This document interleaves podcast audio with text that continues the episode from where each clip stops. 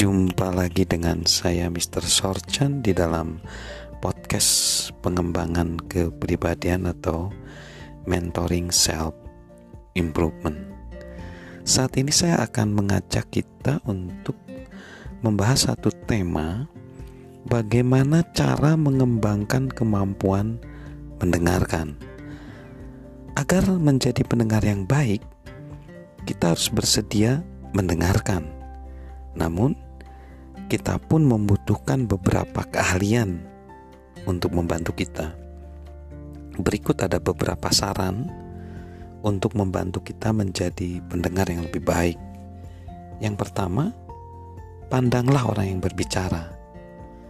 Keseluruhan proses mendengarkan diawali dengan memberi perhatian yang tidak terbagi pada orang lain ketika berinteraksi dengan seseorang, jangan melakukan pekerjaan lain seperti merapikan kertas, mencuci piring, atau nonton televisi. Sisihkan waktu hanya untuk memfokuskan diri pada orang itu. Jika saat itu kita tidak memiliki waktu, mendingan kita jadwalkan pertemuan sesegera mungkin. Lalu, yang selanjutnya jangan memotong. Kebanyakan orang tidak suka ucapannya dipotong. Hal ini membuat mereka merasa tidak dihargai.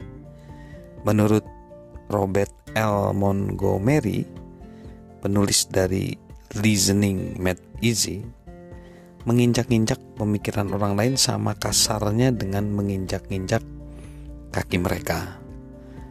Orang-orang biasanya memotong pembicaraan orang lain karena salah satu alasan ini.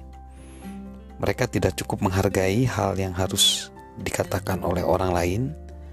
Mereka ingin membuat orang lain terkesan dengan cara menunjukkan betapa cerdas dan intuitifnya diri mereka. Mereka terlalu tertarik dengan pembicaraannya sehingga tidak mengizinkan orang lain menyelesaikan ucapan mereka. Jika kita memiliki kebiasaan memotong ucapan orang lain, periksalah motivasi kita dan berketetapanlah untuk melakukan perubahan.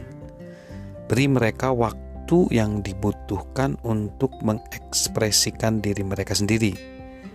Jangan pernah merasa bahwa kita harus bicara sepanjang waktu Periode tanpa ucapan bisa menjadi kesempatan kita untuk merefleksi hal-hal yang telah dikatakan, sehingga kita bisa menanggapi dengan benar. Kita akan lanjutkan lagi, gimana kita bisa bicara yang me mengembangkan kemampuan mendengarkan yang baik ya. Salam good relationship dari saya, Mr. Sorchan. thank you